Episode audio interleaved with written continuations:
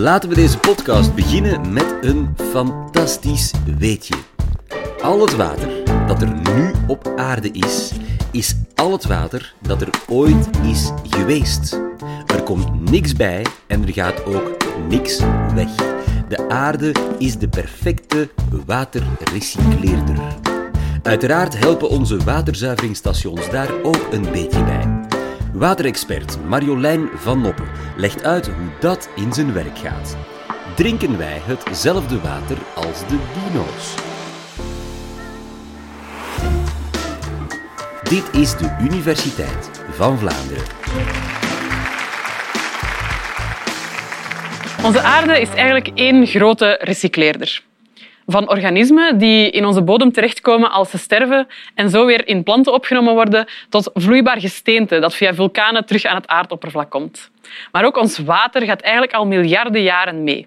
Al miljarden jaren is het dezelfde hoeveelheid water die wij op onze planeet terugvinden ehm, en die in onze kraan terechtkomt, in onze meren zit en in onze oceaan zit. Ook als wij plassen, dat water komt in onze riolering terecht en zo terug in de natuur. En zelfs als wij zelf vergaan, dan komt het water dat in ons lichaam zit terug in die natuur terecht om daar weer gebruikt te worden. Gelukkig maar dus dat wij ons water niet vernietigen. We lenen het alleen van de hydrologische cyclus. En die hydrologische cyclus zal je je misschien wel herinneren van je lessen in de lagere school. Stel, we beginnen in die oceaan. Die oceaan bevat 97 procent van al het water op onze aarde, maar is dus wel heel zout. Slechts 3 procent van al het water is zoetwater en het grootste deel daarvan is dan nog eens bevroren, zit in de poolkappen bijvoorbeeld. Maar een heel klein deeltje, een halve procent, is zoetwater dat wij kunnen gebruiken uh, en dat wij, waar we makkelijk aan kunnen. Dat zit in onze meren, dat zit in, uh, onder de grond en in de wolken bijvoorbeeld. Maar dus die oceaan. De zon schijnt op die oceaan. Die oceaan beslaat 71 procent van het oppervlak van onze aarde. En dat water dat verdampt daaruit. En terwijl dat water verdampt, komt dat in onze atmosfeer terecht. En daar gaat het wolken vormen. En op een gegeven moment zitten die wolken vol. Um, als we kijken naar de wetten van de fysica, bij bepaalde temperatuur, een bepaalde druk, gaat die wolk niet meer water kunnen bevatten. Die gaat volledig verzadigd zijn, die gaat vol water zitten en het gaat beginnen regenen of het gaat beginnen sneeuwen. Dat water zal als neerslag terug naar beneden komen en zo op onze aarde terechtkomen. In rivieren, in ons grondwater en uiteindelijk terug in die oceaan. En het zijn ook net die rivieren en dat grondwater waar het meeste van ons kraanwater vandaan komt natuurlijk. Maar de laatste jaren hebben we gemerkt, hè, er zijn meer en meer periodes van droogte, meer en meer periodes waar we toch moeten beginnen opletten dat we niet te veel van dat water gaan gebruiken. En dat komt natuurlijk door klimaatverandering. Hoe komt dat nu? Wel, die klimaatverandering zorgt ervoor dat de temperatuur op aarde gaat stijgen. En als de temperatuur hoger is, dan kan die atmosfeer ook meer water vasthouden. Wolken kunnen meer water gaan bevatten en zo dus ook verder gaan bewegen voor het gaat regenen. En als het dan regent, zal het ook heftiger regenen, want er zit meer water in die wolk en eens het begint te regenen, dan loopt die wolk ook gewoon volledig leeg. Je kunt je dat een klein beetje voorstellen zoals um, een glas cola. Stel, ik zit op een warme zomerse dag op een terrasje en ik bestel mij een fris glas cola. De lucht is warm, daar zit water in, maar mijn glas cola is koud. En de lucht rond dat glas gaat mee afkoelen. En omdat die koude lucht minder water kan vasthouden, gaat dat water condenseren op mijn glas cola en wordt dat dus nat aan de buitenkant. Dat is ook een van de redenen dat we in de winter bijvoorbeeld, als er minder water in die lucht zit, veel sneller last hebben van een droge keel of gebroken lippen. Die klimaatverandering zorgt er dus voor dat we die langere periodes van droogte hebben en dat we dus moeten gaan zoeken naar alternatieve waterbronnen. Want misschien is dat zoetwater, dat regenwater, dat rivierwater wel niet meer zo vanzelfsprekend. Maar ik heb het al gezegd, 97 procent van ons water zit in de zee.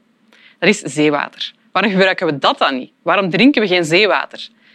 Nu, we weten dat dat water heel zout is. En ons lichaam is niet voorzien op zoveel zout. Wat doet ons lichaam als we zout water drinken? Onze nieren gaan in overdrive. Die gaan proberen al dat zout zo snel mogelijk uit ons lichaam te verwijderen. En hoe doen we dat? Door veel urine te produceren. Met andere woorden, als je zeewater drinkt, ga je eigenlijk je lichaam van binnenuit gaan uitdrogen. Je kan natuurlijk denken, dat is een beetje vreemd, want ja, wij zijn toch als levende wezens ontstaan in die oceaan. We zijn toch ontstaan in dat zoute water. En we zien dat eigenlijk ook nog terug. In ons evenwichtsorgaan zit een klein druppeltje zout water dat we nodig hebben om dat goed te laten functioneren. Maar op een gegeven moment zijn we natuurlijk aan land gekomen en zijn we verder geëvolueerd om op dat droge land en met dat zoete water te, overleven. Dus zeewater, geen goed idee. Maar ja, zoetwater hebben we ook niet in uh, overschot, of we ook niet op overschot. Wat zijn dan andere opties? En dan gaan we eigenlijk al gaan kijken naar hergebruik van afvalwater bijvoorbeeld. Kunnen we het afvalwater dat we produceren hergebruiken om drinkwater van te maken? Wat gebeurt er vandaag als je je wc doorspoelt of je doet je afwas of je was? Het water komt in de riolering terecht. En via die riolering loopt dat water naar Aquafin, de afvalwaterzuiveraar hier in Vlaanderen. En wat doen zij daarmee? Wel, dat water gaat eerst door een grove filter om daar bijvoorbeeld uh, bladeren, plastic zakjes, uh, vreemde voorwerpen die mensen doorspoelen, um, daaruit te halen. Dan gaat het naar een vetvanger om bijvoorbeeld uh, illegaal doorgespoeld frituurvet of uh, olie die uit auto's gelekt is uh, te gaan verwijderen. En dan gaat dat naar de hoofdzuivering, de biologische zuivering. En daar leven een heleboel micro-organismen die ons organisch afval opeten.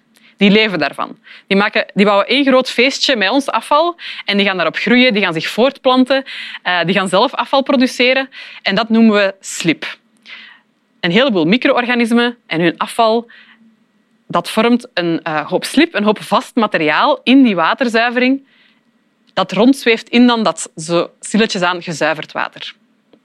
Dus we hebben op het einde van die waterzuivering een hoop slip en een hoop gezuiverd water.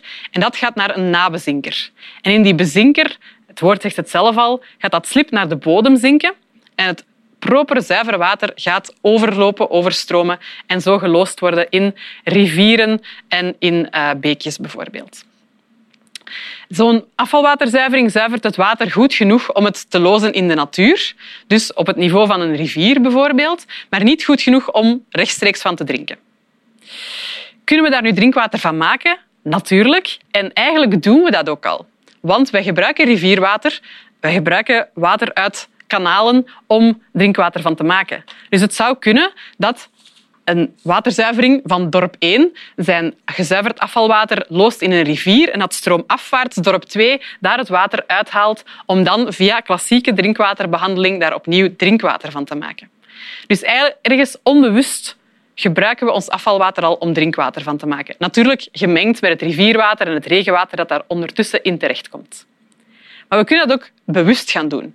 We kunnen ook bewust die hydrologische cyclus gaan kortsluiten en dat afvalwater, dat gezuiverd afvalwater, gaan gebruiken om drinkwater van te maken.